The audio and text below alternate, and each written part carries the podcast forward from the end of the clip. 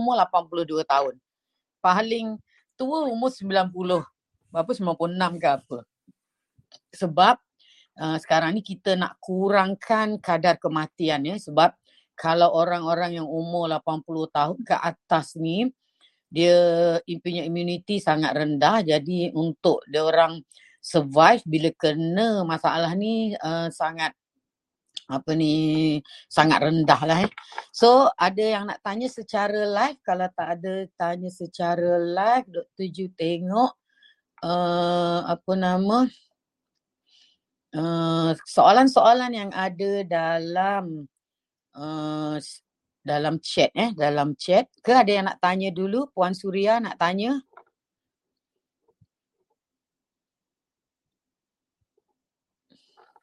tak ada okey. So ada beberapa soalan dalam chat ni. Yang pertama daripada puan Asnah. Assalamualaikum Dr. Ju. Saya akan menjalani rawatan di onkologi pada 22 bulan 6 selepas pembedahan breast cancer 19 hari bulan 6 saya nak tanya saya dah beli dua set Bosta Coffee. Bolehkah saya minum semasa menjalani rawatan kemo radioterapi radioterapi ni atau mengambilnya selepas selesai semua rawatan di IKN setelah dirujuk bahagian ini bimbang uh, bimbang takut menjejaskan rawatan tersebut thank you Dr. Ju apakah suplemen yang terbaik bagi pesakit breast cancer yang dah um, buat pembedahan untuk benar sembuh dari penyakit breast cancer. Okey Puan Asna, Dr. Ju tak tahu pre, uh, ni you punya breast cancer ni tahap mana uh, apa ni uh, stage mana lah. Uh, kalau apa ni uh, masa pembedahan tu lepas pembedahan of course lah boleh ambil Bosta Coffee ni. Yang pertama sebab uh, bila kita waktu lepas pembedahan ni kadang sakit, kita tak lalu makan. Jadi Bosta Coffee ni high fat, high good fat. Uh, jadi MCT oil dalam tu, dia uh, coconut oil dalam uh, Bosta tu boleh ada healing effect. Kemudian uh, caffeine dalam Bosta tu boleh kurangkan kita punya sakit, boleh bagi relax. Yang penting uh, you tak lapar lah walaupun tak lalu makan. Jadi bila ambil Bosta ni you tak uh, tak rasa tak rasa lapar insyaAllah. So boleh ambil Bosta ni Puan Asna eh. Dan uh, apa ni nama untuk suplemen yang terbaik untuk breast cancer. Of course Dr. Ju dah cerita sebelum ni Izumio dengan super lutein. That is the best supplement. Uh, sebab Dr. Ju dah cerita sebelum ni di mana uh, seorang pesakit daripada uh, kucing tu kan Madam Wong ini kenapa ada yang un- tolong unmute kan Tim? Tolong mute kan. Okey. Puan Suria boleh mute dulu tak? Ataupun Puan Suria nak tanya apa-apa? Ada siapa-siapa nak tanya apa-apa ke? Assalamualaikum doktor. Ya, Waalaikumsalam. Ah, saya nak tanya. Anak saya ni dia selalu mengalami gastrik. Mm-mm. Ha. Lepas tu kalau dia jadi teruklah juga sampai muntah-muntah banyak. Banyak kali muntah. Lepas tu semalam baru sampai ubat daripada uh, Dr. Yu. Yang ubat apa Redox dengan Profido. Mm-mm. Ha, lepas tu boleh makan terus ke ubat tu? Ah boleh puan. Ah, yang paling Hmm. penting apa yang dia tak boleh makan. Itu yang paling penting. Yang So, dia tak kena- boleh makan tu apa biasa dok? Oh, yang tak boleh makan tu yang pertama toxic food lah. Dia dalam orang yang ada gastritis ni kalau you tengok daripada nah, banyak doktor Ju bagi talk pasal pasal gastritis ni kan. So um, uh, dia punya perut sekarang ni tengah cedera, tengah apa ni tengah uh, apa ni nama merah tapi selalunya kalau kita tengok uh, pakai skop biasa tak nampak sebab dia mikro kan. So uh, dan dia punya uh, perut banyak asid. Banyak asid tu sebab uh, dia punya perut ni tak boleh keluarkan asid untuk digest dia punya makanan. Jadi makanan tu uh, jadi uh, lama dekat perut. Jadi makanan tu akan uh, fermented ataupun berlaku penapaian dekat perut. Juga kan makanan tu jadi asid. Asid tu yang menyebabkan perut lagi bertambah berasid. Jadi condition dia yang pertama, perut dia ada masalah. Maknanya perut dia tengah merah, bengkak. Yang kedua, hmm. Asid dalam perut dia rendah dan asid daripada makanan dia tinggi. Asid tu mengeluarkan gas yang menyebabkan perut dia pedih, cedera, ah, ni lagi cedera kan. Jadi hmm. apa yang dia tak boleh makan adalah benda-benda yang lebih mencederakan perut dia. Ha, jadi yang lebih menyebabkan radang. Dia tak boleh ambil empat, uh, lima P lah Dr. Ju selalu cakap sekarang dah tambah lima P. Berapa manis, maknanya dia tak boleh ada gula dalam makanan dia. Uh, dia uh. tak boleh ada perasa, dia tak ada boleh ada pengawet, uh, dia tak boleh ada apa ni nama uh, uh, dia tak boleh ambil juga susu eh susu susu lembu tak boleh. Uh, kemudian oh, dia juga kena avoid gluten. Uh, gluten ni maknanya tak ada makanan dia tak boleh ada tepung gandum. Ini temporary sampai habis rawatan. And then uh, lepas tu you bagilah uh, apa ni this apa ni nama redox redox ni you bagi cuma satu sudu kecil you dilute kan dalam air setengah cawan tu you dilute dulu minum Ha, sebab kadang-kadang oh, tidak ada pekat sangat sebab ini redox ultra tau. Dia very high concentration dia. Tak macam redox biasa. So you kena ambil half teaspoon saja, one teaspoon saja dilute dan suruh dia minum pagi petang dulu. Kalau dia rasa uh, dia okey, maknanya dia tolerate uh, suplemen ni dia boleh ambil pagi tengah hari petang. Probiotik hmm. makan mesti with full food. Maknanya mesti makan perut penuh. Uh, probiotik tak boleh makan perut kosong sebab probiotik ni bila masuk dalam perut kita kalau asid tinggi uh, dia mati nanti. Probiotik ni is bakteria hidup. Kita nak tanam dalam usus kita kan. Kita hmm. kena makan uh, perut penuh. Uh, jadi yang paling penting is apa yang dia tak boleh makan. Uh, kena tengok balik Dr. Ju punya banyak apa ni apa ni uh, live ataupun video-video dekat YouTube pasal gastritis ni. Sebab hmm. dia boleh baik. Kalau tak dia akan menga- uh, menyusahkan dia nak muntah lah, si nak apa ni sakit perut lah, menjerit lah. Itu tak yeah. Nanti dia akan jadi GERD. Dia umur hmm. berapa? Uh, dia kata empat, 16 tahun. Muda lagi tu. Uh, itu mesti hmm. budak sekarang kan apa pun makan. Itu menyebabkan dia dapat gastrik tu. Bukan apa, sebab dia tak makan. Sebab dia banyak makan macam-macam. Ha, macam-macam kan. Ha, so you kena control lah. Kena bagi tahu dia. Suruh dia dengar sendiri. Kadang mak cakap tak nak dengar. Ha, suruh dengar video Dr. Ju. Ha. Hmm. Ha, lagi apa lagi doktor yang dia boleh makan apa doktor? Selain daripada tu semua boleh makan. Makanlah nasi. Jangan nasi, makan roti. makan benda makan yang lain tu apa ni boleh makan. Macam buah manis sangat pun dia sementara ni tak boleh dululah. Dah baik nanti makanlah. Oh roti tak boleh? Ha? Roti tak boleh ke? Ha, roti tak boleh dulu sebab dia ada gluten sementara ni. Hmm. Buatlah dalam tiga bulan ke. Ha, lepas tu dah baik, bolehlah makan balik. Tapi yang eloknya kurangkanlah sebab uh, dia boleh masih lagi sensitif perut dia. Macam biskut Maknanya kalau dia kena attack tu sebab semalam ataupun sebelum tu dia makan benda yang dia tak boleh makan. Ha, yelah tu. tak tahu apa bendanya tu. kalau biskut tu boleh makan dok? Ha, biskut ada tepung gandum tak boleh? Hmm, habis tu nak makan apa? je lah. Benda-benda tepung gandum, uh, tepung beras, tepung ubi, tepung apa ni, uh, tepung lain uh, boleh makan. Yang tak boleh tepung gandum je. Oh, gandum je tak boleh. Hmm. hmm. Sementara je tu pun bukannya selamanya sampai dia dapat dia baik lah sampai perut dia baik. Kalau tidak dia akan kena seumur hidup. Hmm. Makin teruk nanti dia akan dapat GERD, lepas tu akan dapat leaky gut syndrome, dapat IBS, lepas tu dapat apa dia nama masalah lain pula, mungkin dia boleh dapat autoimmune disease ke seteruk tu nanti kalau dibiarkan. Saya masa hmm. sekarang ni lah is the best time untuk you rawat. Okay, okay. okay. Ubat tak menyelesaikan masalah.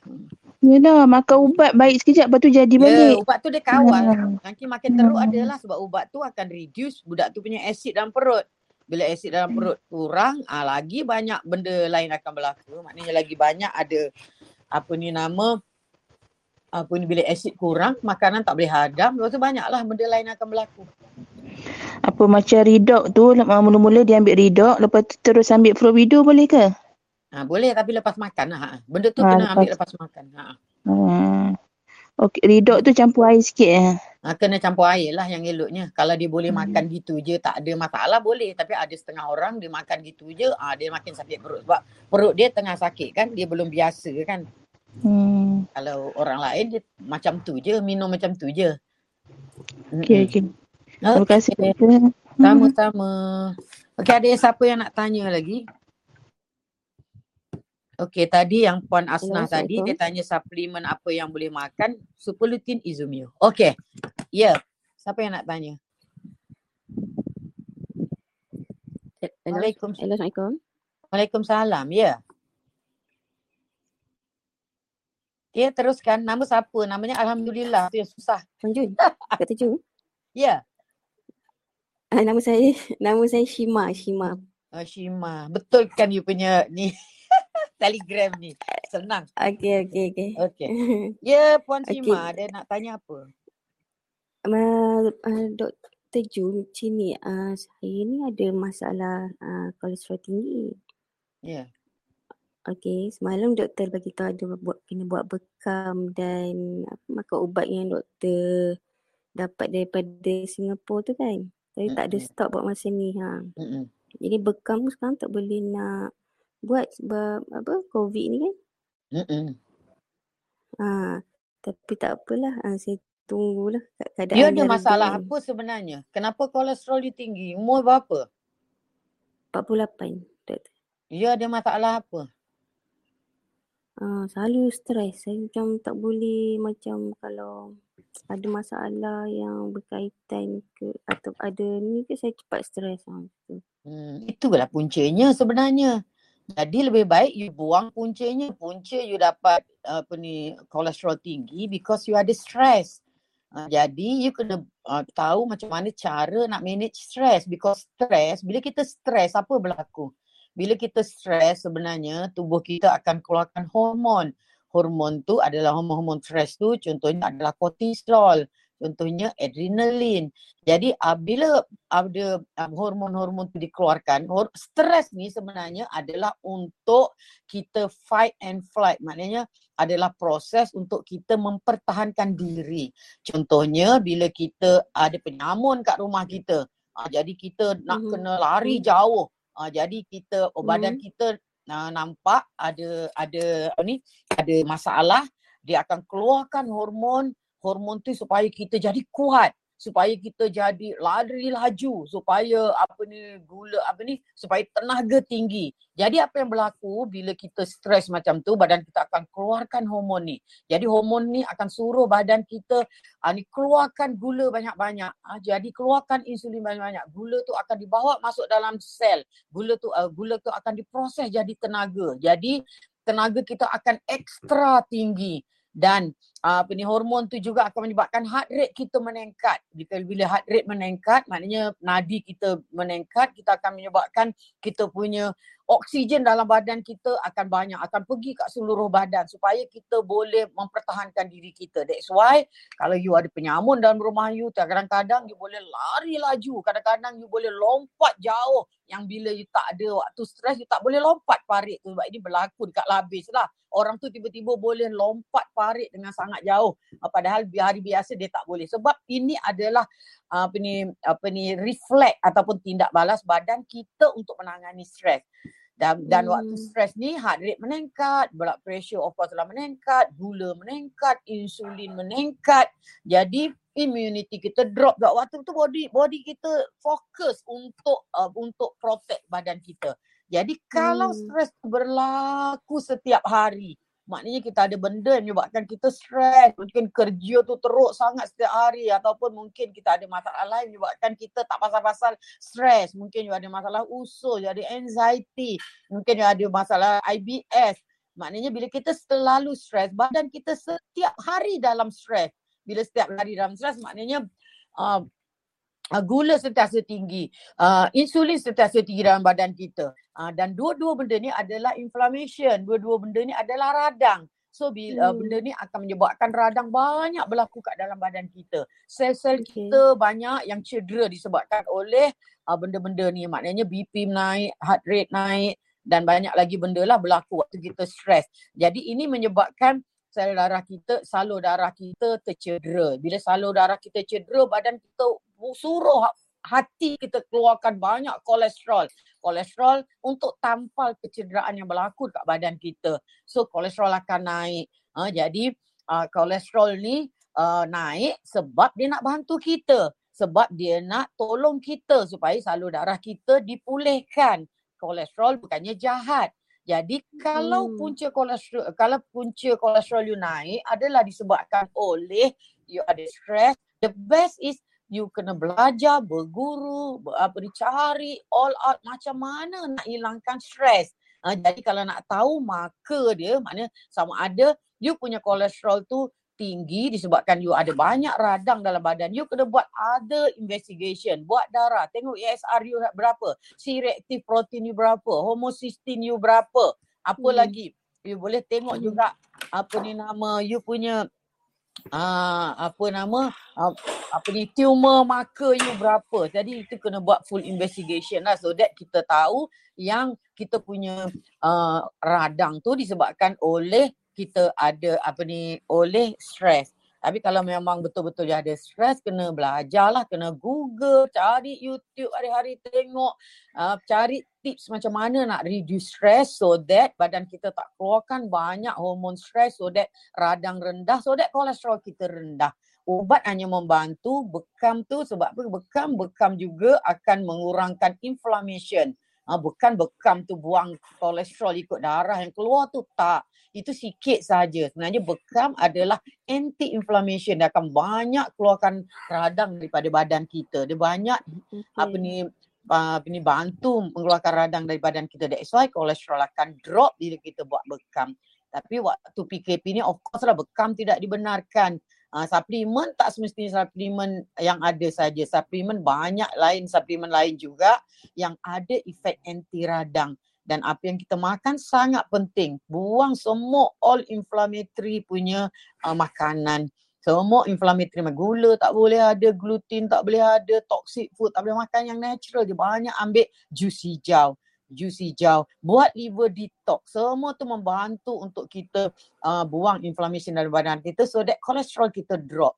Jangan ambil ubat hmm. kolesterol sebab dia tidak membantu kita dia tidak membantu kita dia buang hmm. saja dan sampai bila you nak makan ubat kolesterol for life dan kau ubat kolesterol ada banyak juga side effect dia especially hati kita boleh hmm. rosak okey Hmm, ya. Yeah, Okey puan. Okey, okay, terima kasih doktor. Uh, Okey, sama-sama. Doktor.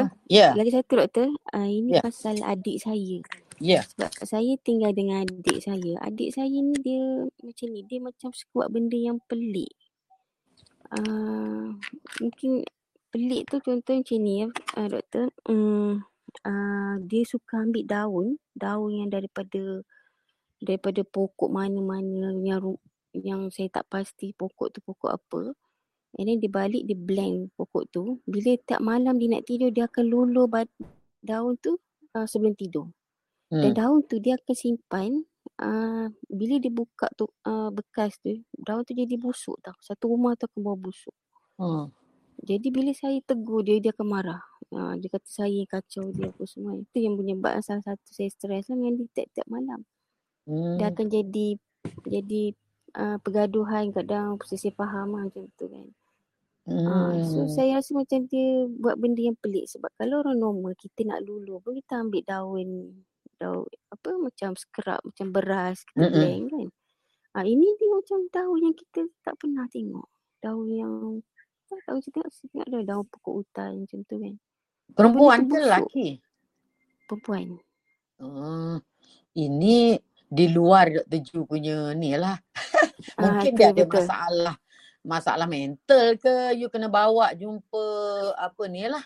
Jumpa psychiatric. Ah, okay. Sebab mungkin ini ada masalah mental. Mungkin dia ada autism yang tak diagnose. Kita tak tahu kan.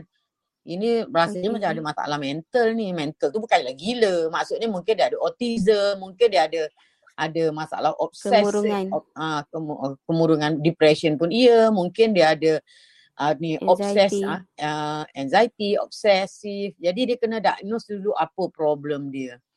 Sebab hmm. kalau tidak you makin stress dia sakit, you sakit satu rumah sakit kan.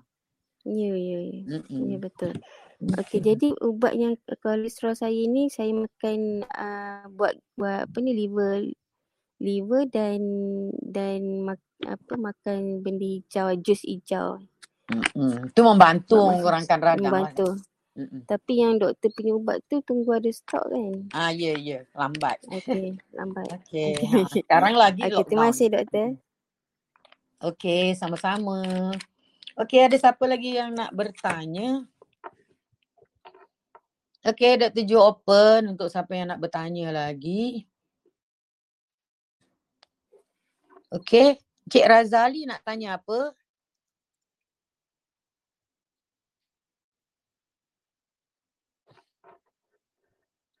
Okey.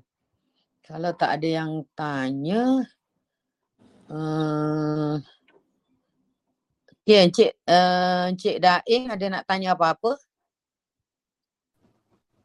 Hello, Assalamualaikum Dr. Ju. Ya, Waalaikumsalam Cik Razali. Ha, saya nak tanya pasal tu COVID. Tu itu kita kena ambil waktu bila ah? Selepas makan ke sebelum makan? Ah, okey. Terima kasih. Cik, uh, COVID ni kena ambil lepas makan. Apa-apa suplemen yang ada minyak dalam dia, dia kena ambil with food.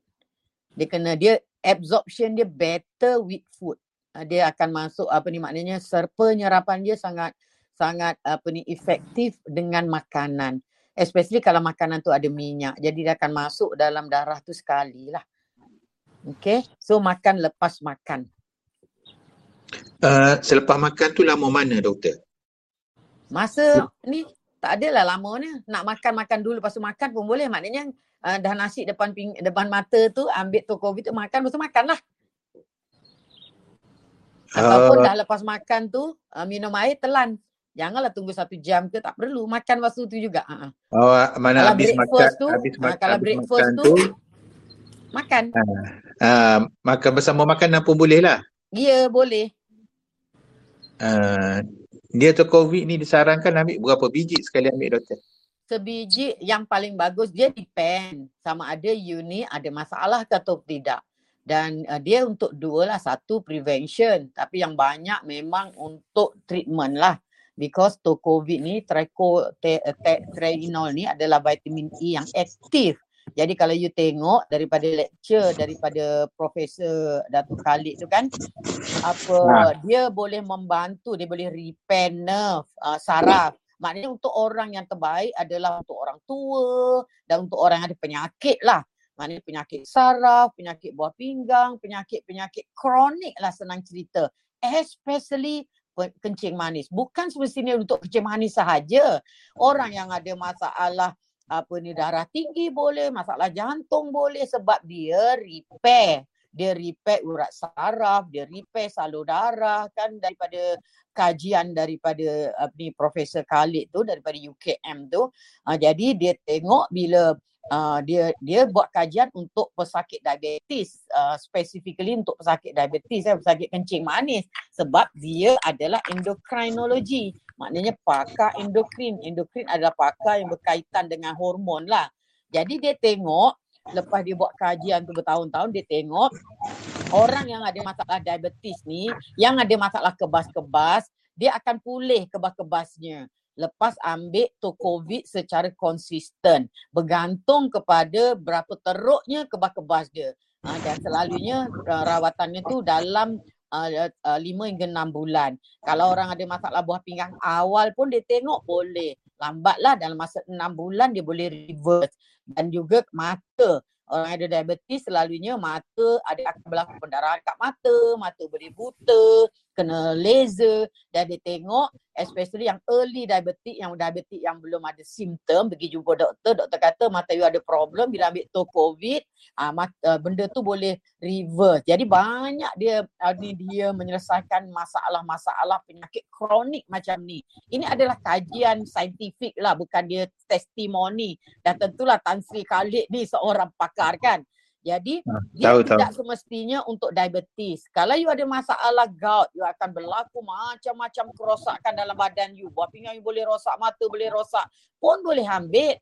Of course lah boleh ambil. Kalau you old age maknanya you muda you muda lah uh, remaja muda contohnya dah 40 tahun ke atas kalau you ambil dia prevention sebab masalah urat saraf bukan kencing manis saja old age pun you akan senang dapat ma- masalah urat saraf ni so dia boleh for everybody especially uh, kita yang berumur uh, tua lah. Kalau budak muda ambil mungkin dia untuk prevention, untuk kulit lawa sebab vitamin C ni bukannya untuk urat saraf saja. Dia banyak lagi. Ada dia ada sebakul uh, dia punya kebaikan dia. Uh, nak tanya lagi doktor. Uh, Tadi yang tanya tadi kan uh, maknanya kalau orang tu ada penyakit dia ambil apa ni sebab yang kita punya ni uh, dia punya dosage nanti tinggi kan so you boleh ambil sebiji pagi sebiji petang. Kalau just untuk prevention atau tak ada masalah boleh ambil sebiji satu hari. Kalau yang ada masalah ambil sebiji pagi sebiji petang. Kalau yang teruk sangat masalah boleh ambil dua pagi dua petang. Kalau yang teruk sangat lah. Okey. Okay. Tapi uh, kakak ipar saya ambil ada isu uh, mata dia jadi bengkak. Dia maknanya dia allergic tu. Bengkak teruk ke? Uh, bengkak sikit lah. Bengkak lah. mungkin kadang-kadang mulut mata dia mungkin ada problem. Jadi dia bertindak Oh. balas kat situ. Jadi dia dosnya boleh kurangkan dulu. Ah, Makan satu okey, hari okey. sebiji. Kalau dia tu mungkin selang sehari. Lepas tu nanti dah okey baru naikkan dos dia. Sebab di- masa, maknanya mata dia ada problem tu. Ah, okey. Ah, ni masa saya beli, masa mana ni nak order dengan Dr. Ju dah habis untuk COVID. Saya pergi kat farmasi. Kat farmasi saya ni Eureka, dia ada benda-benda macam ni. Mm-mm. Pasal Eureka ni dia farmasi yang membekalkan ubat-ubat kepada doktor. Ha-ha. Klinik dia um, uh, macam-macam lah farmasi dia ada ubat. Ha-ha. Bila kita orang beli dua, dia akan bagi dalam tu packaging untuk untuk COVID itu, dia akan bagi Neurovic. Mm-mm. Neurovic ni boleh makan ke doktor? Tak tahulah apa neurobic. Selalunya vitamin B tu. Ah, B kat sini tulis B1, B6, B12. Oh, maknanya you ambil yang botol biru ke? Tak, saya ambil tu COVID macam uh, macam yang Oh. doktor tu. Dia dia kat situ ada tu COVID botol biru, ada tu COVID yang UKM doktor doktor yang doktor Ah. doktor Jo suggest tu.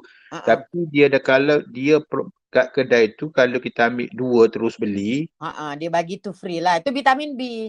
ah B Ah, boleh, tak ada B6, masalah. B6, Kita orang pun B12. itu hari ada bagi offer bagi vitamin B ni juga.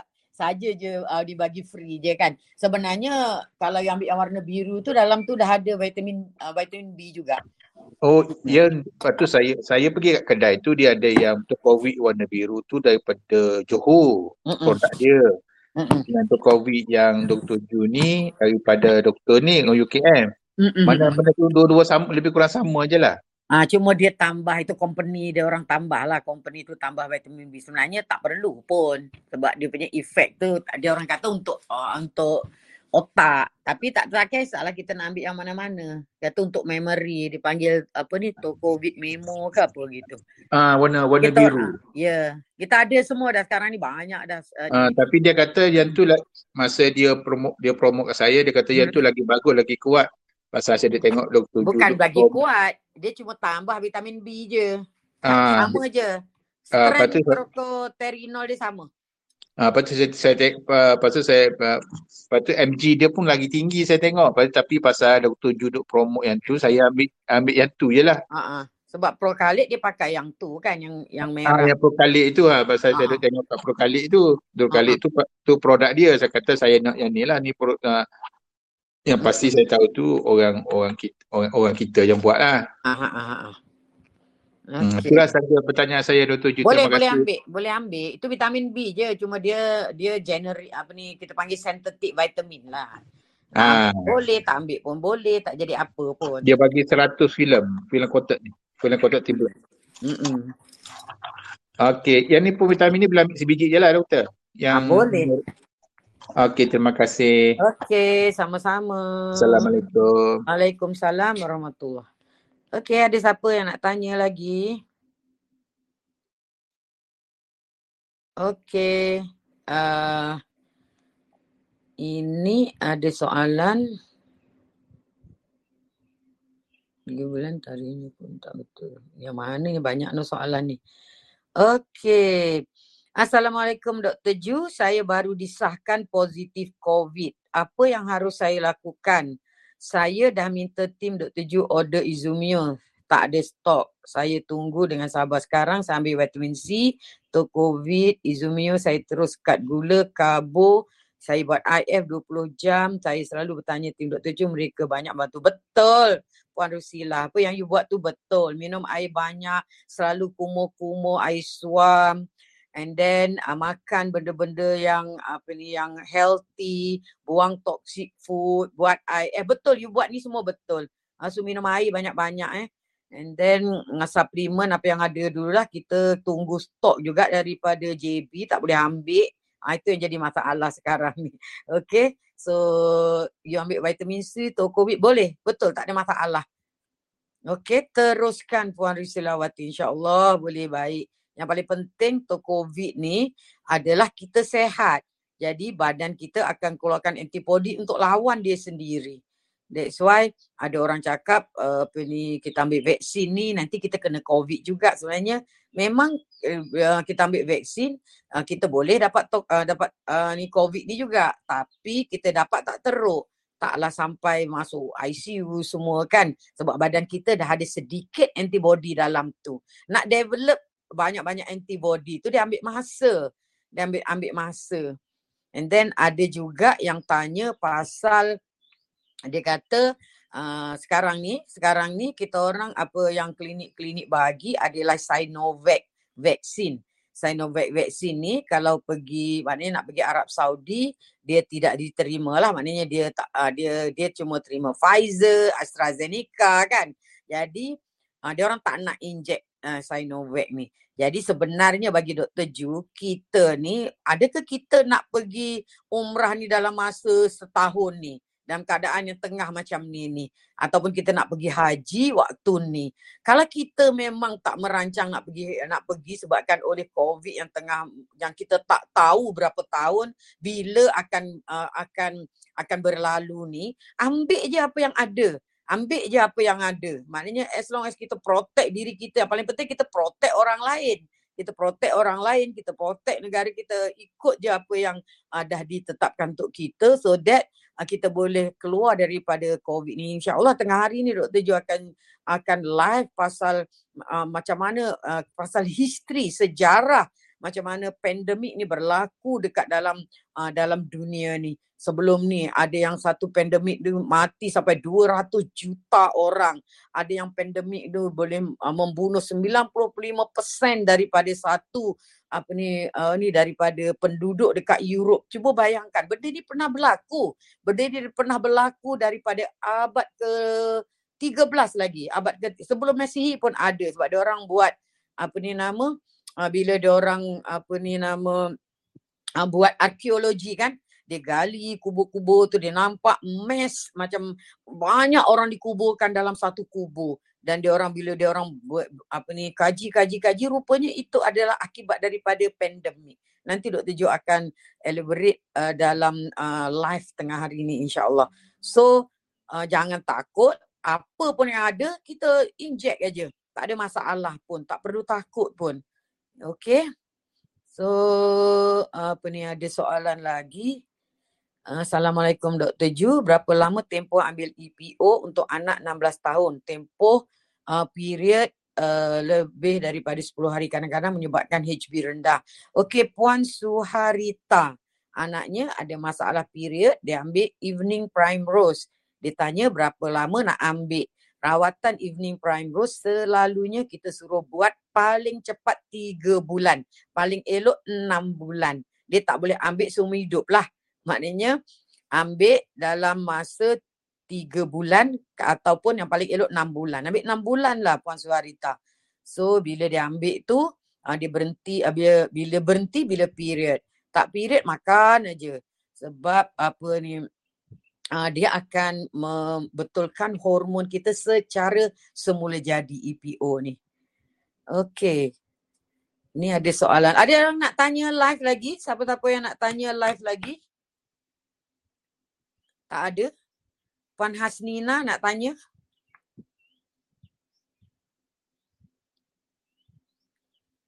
Tak ada. Ada yang nak tanya eh okay. Ni ada lagi soalan. Saya nak tanya daripada Puan Saadah. Assalamualaikum Dr. Ju. Saya nak tanya, saya mempunyai penyakit darah tinggi dan makan ubat yang sama. Saya kurang darah, adakah kerana kurang darah menyebabkan darah tinggi tak boleh pulih walaupun doktor dah tambah-tambah ubat tapi doktor tak bagi ubat tam apa ni? Tak faham. Uh, tak boleh uh, saya kurang darah, adakah kerana kurang darah menyebabkan darah tinggi? Tak boleh pulih walaupun doktor dah tambah-tambah ubat tapi doktor tak bagi ubat tambah ubat. Apa ni? tak bagi ubat tambah ubat. Tambah darah kot. Okey Puan Saada. Jadi kenapa you tak cukup darah? Tak cukup darah maknanya anemia. Mungkin anemia Puan Saada ni disebabkan oleh uh, thalassemia, tak tahu. Doktor Ju tak tahu. You kena tanya doktor you kenapa you dapat anemia. Dan tekanan darah tinggi tak ada kena mengena dengan uh, dengan apa ni nama uh, darah rendah. Dengan HB rendah ataupun sel darah merah rendah. Jadi you kena uh, jumpa doktor ataupun jumpa doktor swasta pun boleh. Ambil darah, investigate. Cari kenapa you punya hemoglobin boleh rendah. Selalunya hemoglobin rendah, tekanan darah rendah bukan tekanan darah tinggi. Tekanan darah you tinggi sebab you ni dah resistant pada ubat. Maknanya kena follow, kena tengok Dr. Ju punya live sebelum ni uh, pasal uh, macam mana nak reverse uh, apa ni masalah darah tinggi ni. Uh, sebab kalau tidak ubat semua tak jalan, uh, nanti apa jadi? Ya, nanti jadi jantungnya akan rosak, dia akan dapat stroke, buat uh, dia punya apa ni buah pinggang akan rosak. Jadi kena kena hati-hati ni. Okey, ada siapa-siapa nak tanya lagi? Puan Hasnina nak tanya apa? Hello, Assalamualaikum. Ya, yeah, Waalaikumsalam. Hello. Waalaikumsalam. Ah, saya saya Hasnina. Uh, saya nak tanya mengenai saya ni menopause uh, dan kencing manis. Kencing manis dan menopause? Ya, ya, menopause. Ya, ya, ya, ya. Ha. Saya menopause uh, dah hampir lima tahun. Ya. Uh, sebab masalah buang apa, uh, ovary dan apa, uh, uterus. Apa ni? Ha, ya, ya. Ya, lepas tu? Lepas tu masalahnya, uh, sebelum tu doktor tadi bagi ubat hormon. Waktu umur saya 45, dia bagi dalam umur berapa, Puan? 51. Ah, lepas tu? Dia bagi uh, ubat tu tempoh lima tahun saja. Uh, lepas tu macam ada ketumbuhan pada bahagian payudara ada satu cm dia kata. Mm Tu dia berhentikan. Dan masalah sekarang ni saya nak bersama dengan apa suami tu tak ada keinginan. Ah, payahlah. Tu apa yang patut adakah apa suplemen ke apa-apa yang membantu? Okey, sebab uh, apa ni masalah puan ni, puan ada breast lump tu. Breast lump tu yang kena remove puan. Betul ke dia breast lump? Dah buat ke apa nama? Uh, apa ni apa ni nama uh, apa ni breast punya Mem- investigation tu. Mammogram dah buat? Ah, dah buat dah. Dua kali dia buat. Dia tengok sama aja. Maknanya bukan ah, kanser. Dia kata satu cm. Ah bukan kanser bukan. Mm-mm. Tapi kalau nak hilangkan uh, problem tu buang je yang 1cm tu dah senang. Sebab oh, ada buang. dia makin membesar ke apa? Ada dah hampir 2 tahun dia tak membesar. Hmm, kadang-kadang macam cuma fibrosis, kadang-kadang uh, apa ni uh, dia bukan ketumbuhan tau. Kadang-kadang mungkin dulu pernah ada ada jangkitan kuman ke, ada apa ke ataupun susu ada tersumbat ke sebelum 18 tahun dulu macam ada kelenjar tu. Ah, jadi Mungkin benda tu Ah, benda tu dah baik. Jadi dia meninggalkan scar ataupun yang kita panggil parut. Oh, jadi parut yeah, yeah, tu ya. menyebabkan dia ada biji kat situ tapi dia bukan ketubuhan, dia bukan kanser. So dia tidak yeah, ya. menghalang yeah. untuk puan untuk ambil uh, phytoestrogen kencang ratu tu. Puan boleh ambil, oh, tengok dalam masa tiga bulan adakah ketumbuhan tu makin besar ataupun tidak kalau tak membesar uh, macam yeah. tu aja Tapi kalau you ambil uh, phytoestrogen ataupun kencang ratu ni, of course dia punya kesan tu macam you anak dara balik lah. Breastnya akan sakit. Oh. Nanti biasalah. Macam kita Ya, ya, ya. kadang-kadang kita dah lama tak rasa benda tu tak faham kan. Breast akan bengkak. Ya, ya, ya. Tapi yang paling penting benda-benda yang kesan daripada menopause tu hilang lah. You punya uh, Ah, ya, libido akan naik. You punya Ya, ke, ya. vagina tu akan baik balik. And then Dalam malam-malam nak tidur tak pun ada. tak selesa. Ha, boleh tidur balik. You boleh ambil puan. Mula-mula ambil dua biji tiap-tiap hari. Lepas tu boleh increasekan kepada dua pagi, dua petang. Oh, Okey. ya. Boleh boleh ambil lah benda tu. Tak ada masalah. Ya, ya. Masalah, ni masalah kencing manis ni saya dah dua tahun kencing manis tapi tak uh, tinggi lebih uh, macam 8 dan 9 tu je. Okey. Puan dah join tak? Advance My DJ tu. Kelas Dr. Ju ni. Ada, ada. Ha, tunggu je lah. Tunggu uh, 26 hari bulan. Satu hari kita uh, kita Ami Dr. Ju akan bercakap pasal benda ni. So kalau siapa-siapa yang ada kawan-kawan yang belum join tu join ni. Suruh dia join lah. Boleh membantu macam-macam menyelesaikan masalah macam-macam. Yang paling penting kita tak nak komplikasi diabetik. Kita nak kurangkan komplikasi Ah, diabetik dekat Malaysia ni. ya, ya. Okey. Okay, terima Ah, kasih Puan. Ada nak tanya lagi? Sama-sama. ah, nak tanya ni, apa uh, suplemen apa yang sesuai yang boleh saya makan Untuk apa? untuk kesihatan badan? Ah, Untuk Kadang kesihatan badan. Kalau nak yang murah, puan boleh ambil uh, apa ni double egg, uh, double egg apa ni daripada Nutrilite. Ha, itu boleh puan boleh tanya tim Dr. Ju dia orang boleh orderkan untuk puan. Itu yang murah lah. Kalau nak yang bagus, ah you boleh ambil supulutin lah. Itu memang semua Ah, orang ya, kalau ya. boleh nak ambil, cuma dia expensive je kan. Okay? Ya, ya, ya. Ha, Okey, terima kasih Okey. doktor. sama-sama. Okay, ada lagi yang nak tanya apa-apa?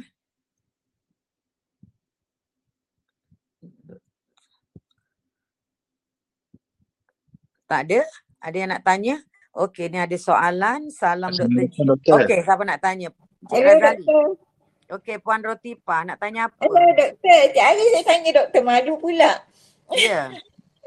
Doktor, uh, saya nak tahu uh, kan saya nak makan makanan organik. Tapi Ya. sekarang musim PKP ni untuk dapatkan telur ayam organik kan susah doktor. Ya. Jadi uh, macam mana ya? Saya sebab Yelah, telur lah yang uh, protein yang paling mudah untuk dimakan. Ah, uh betul. Ni Jadi Dr. Ju pun beli beli eh, itu apa nama? Dr. Ju pun beli apa panggil tu hidroponik punya set. Ah, itulah Hidroponik punya set tu tanam dia kat tepi tepi rumah tu. Dah senang. Tanam kangkung, tanam apa cuma uh, hidroponik ni bagus. Cuma apa ni kita tengok juga baji yang digunakan tu. Jadi tak adalah kimia sangat kan dan kita tak spray tak apa itu yang paling penting. Kan nak, ter- nak totally organik memang susah lah waktu PKP ni. Tanam sendiri je. Ah, yang tu sayur memang saya banyak. Lepas tu kalau macam pucuk manis tu, pucuk manis tu uh, adakah uh, sayur night uh, nightshade juga? Tak tak. Pucuk manis tak. Oh, sebab saya banyak kat belakang ni pucuk manis. Ah boleh Penuh. boleh boleh makan. Tak ada masalah. Ah, Dr. Ju paling suka. Ah, lep- lepas tu Dr. Ju, macam saya ni kalau tak ada empedu, apakah uh, santan tu boleh efek juga kalau saya ambil cair pun? Tak, santan tak. Santan tak berapa. Uh, maknanya apa tu jangan ambil banyak sangat lah. Dia kena ambil sikit-sikit. Ah, tak, tak boleh uh, macam big bulk. Maknanya kita ambil banyak. Uh, tak buat santan ni dalam tu banyak MCT. MCT tak perlukan medu. Ah, Yang perlukan Okey. medu tu daging. Ah, ini maknanya lemak daripada haiwan tu. oh ya ke? Oh, Ah, salah saturated faham lah fat. selama ni. Maknanya Ah. saturated fat. Uh, saturated fat tu dia perlukan empedu untuk dia Ah. pecahkan dalam partikel yang kecil. Lepas tu dia Ah. angkut oleh lipoprotein masuk dalam darah. Sebab uh, saturated fat ni dia perlukan apa ni pengangkut. Uh, dan pengangkut Ah. tu namanya lipoprotein lah. Okey. Ah, okey. Uh, saya sekarang saya faham. Lepas tu kalau daging kambing pun samalah macam daging lembu juga dia punya ni. Sure sama. Dagingnya Oh, tak, okey. lemaknya. Buanglah lemaknya. uh, buanglah lemaknya, Ha, okey? sebab you, you ada masalah uh, apa ni Apa- gallbladder tadi tu? kan. Uh, Ha. empedu you kurang. Empedu ada, cuma dia jalan dia je dia tak simpan. Jadi Ah. sentiasa ada. Jadi kalau you makan sikit-sikit ada masalah pun. Mm-mm. Okey, kalau saya makan sikit-sikit tak ada masalah.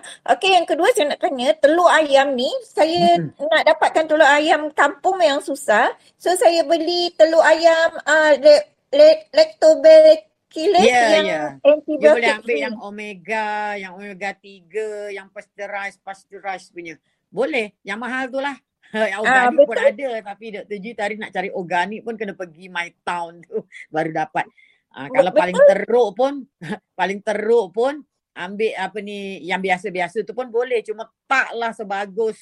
Sebab kadang-kadang kalau ayam tu dibela uh, dibela biasa tu kan uh, dia bagi makan dedak dekat dedak tu banyak jagung majoriti jagung paling murah jagung kan so jagung tu bila ayam tu makan dia ah, jagung tu tinggi omega 6 bila kita betul. makan kuningnya tu banyak omega 6 jadi omega 6 Ah. inflammatory that's why kita selalu kalau untuk makan tu yang eloknya ambil uh, telur omega 6 lah uh, omega 3 jadi telur omega 3 tu beza dia kalau you pecah telur kalau dia punya kuning tu pucat ah itu maknanya dia tak tak cukup omega 3.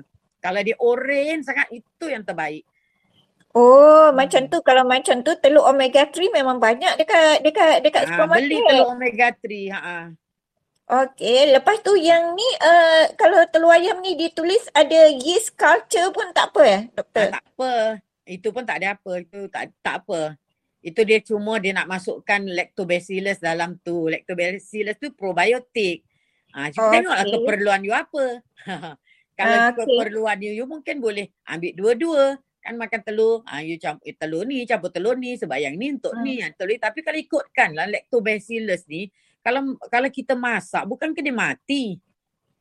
Oh, ah, betul betul betul. Kalau dia kita Betul tak? masak dia mati. Ah, Ah, betul? kecuali Ah. makan mentah. Ah, betul sebab dia dia ni uh, kira probiotik. Hmm, Ah, betul. pandai Ah, kot.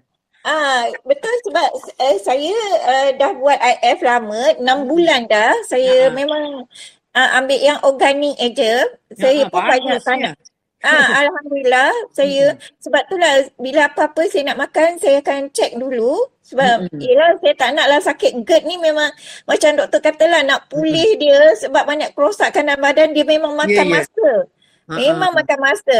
Tak ada yang ada kawan-kawan saya yang tak sabar, yang tak sabar still uh, orang kata makan ikut suka, kena balik, kena balik. Lepas tu bila kena balik doktor, lagi teruk saya tengok. Kalau GERD ni Ya. dia reverse balik memang memang mm, orang kata tak tahulah sebab dia ikut uh, orang kata kerosakan dalam badan. Ya, dia Sebab lagi merosakkan lah.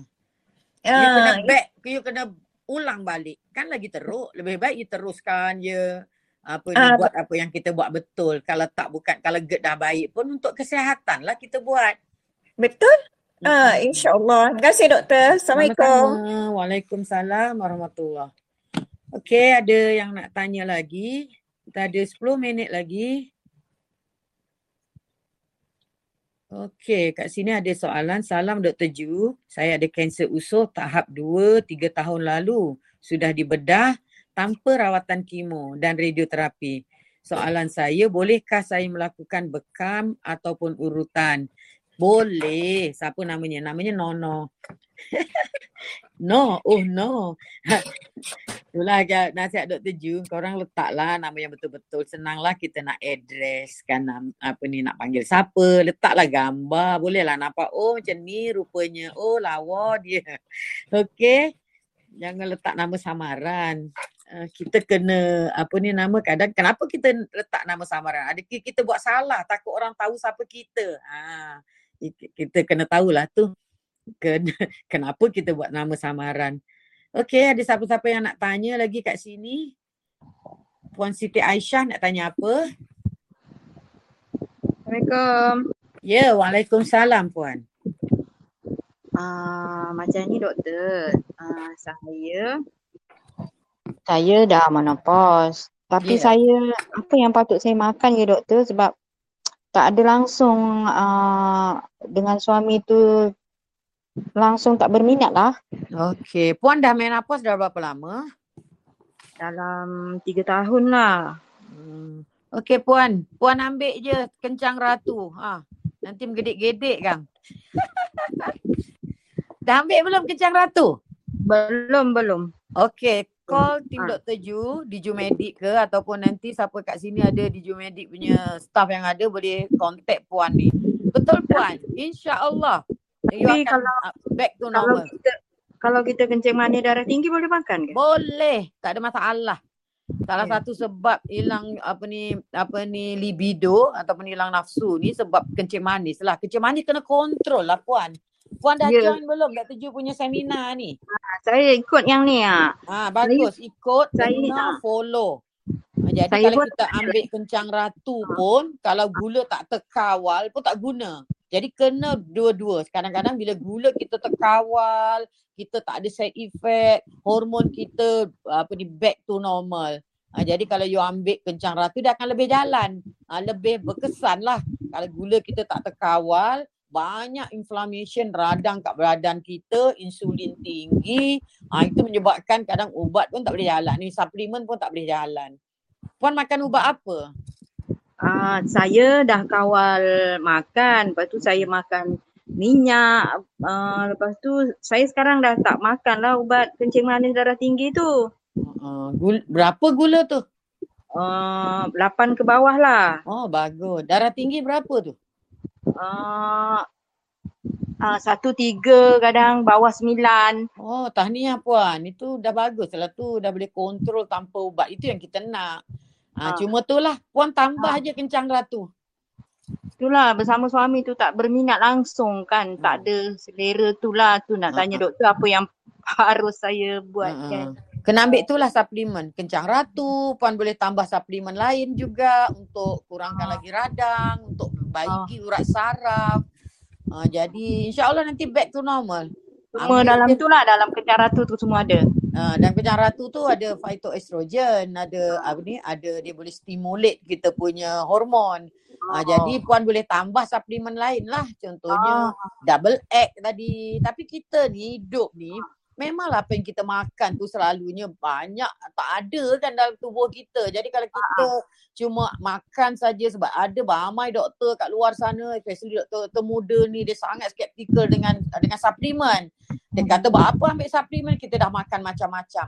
Betul ke yang kita makan macam-macam tu ada semua apa yang kita perlukan secara optimal. That's why macam-macam penyakit datang ni. Kita tengok selalu Dr. Ju cakap, you tengok je lah apa beza orang yang tak ambil suplemen dengan ambil suplemen. Kenapa orang yang ambil suplemen tu muda, sehat, lawa, kulit cantik. Yang kata suplemen tu bagus sangat, tengok muka teruk, jeragat sana sini, nampak kulit kedut, makin cepat tua. Itu dah kita dari segi nampak je pun dah tahu yang suplemen tu ada benefit kat kita. Why not kita ambil kan? Ya. Yang, yang sibuk-sibuk nak uh, nak komen-komen, ah, tak tahulah nak cakap malas nak cakap. Faham, Okey. faham. Mm-mm. Okey, terima kasih puan.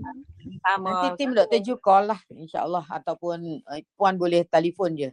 Okey. Okey ada siapa-siapa nak tanya lagi? Encik Azrul nak tanya apa?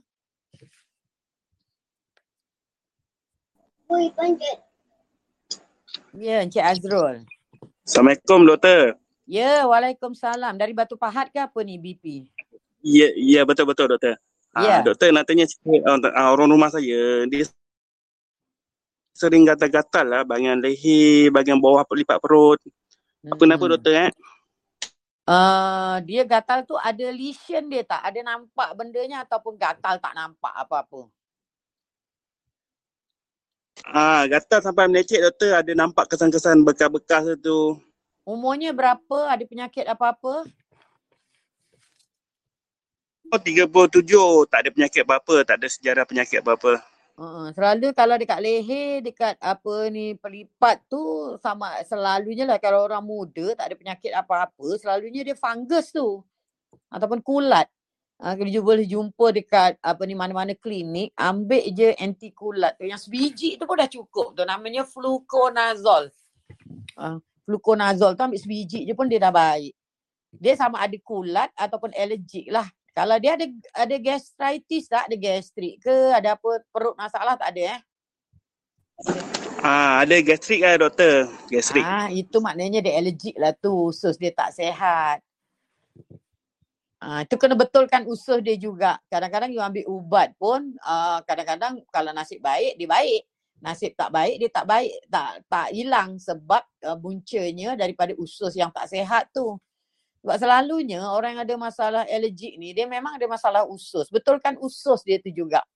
Kalau you dah ambil ubat, dah jumpa klinik, dah ambil ubat antifungal, dah ambil ubat allergic tapi tak baik, uh, maknanya dia ambil masa tak baik-baik, uh, itu you kena uh, rawat you punya usus. Yang rawat us- usus tu you boleh tanya tim Dr. Ju lah. Kalau tidak nanti dia akan makin teruk. Jadi eczema pula. Okay. Ah, okey doktor, okey doktor. Terima kasih. Okey, sama-sama. Okey, uh, sampai di sini saja untuk hari ini. InsyaAllah besok kita jumpa lagi. Kalau ada kawan-kawan dekat luar sana yang apa ni, uh, yang nak tanya apa-apa, yang ada masalah kesihatan ataupun saja nak dengar-dengar, you all boleh ajak lah masuk uh, telegram Dr. Ju ni. Uh, so tiap hari insyaAllah pukul 10 Dr. Ju akan live. So anybody boleh tanya, yang tak tanya boleh dengar. So that bila you dengar apa ni you dapat ilmu boleh gunakan untuk diri sendiri, boleh untuk gunakan untuk keluarga. Okay. Assalamualaikum warahmatullahi wabarakatuh. Jumpa lagi esok. Bye.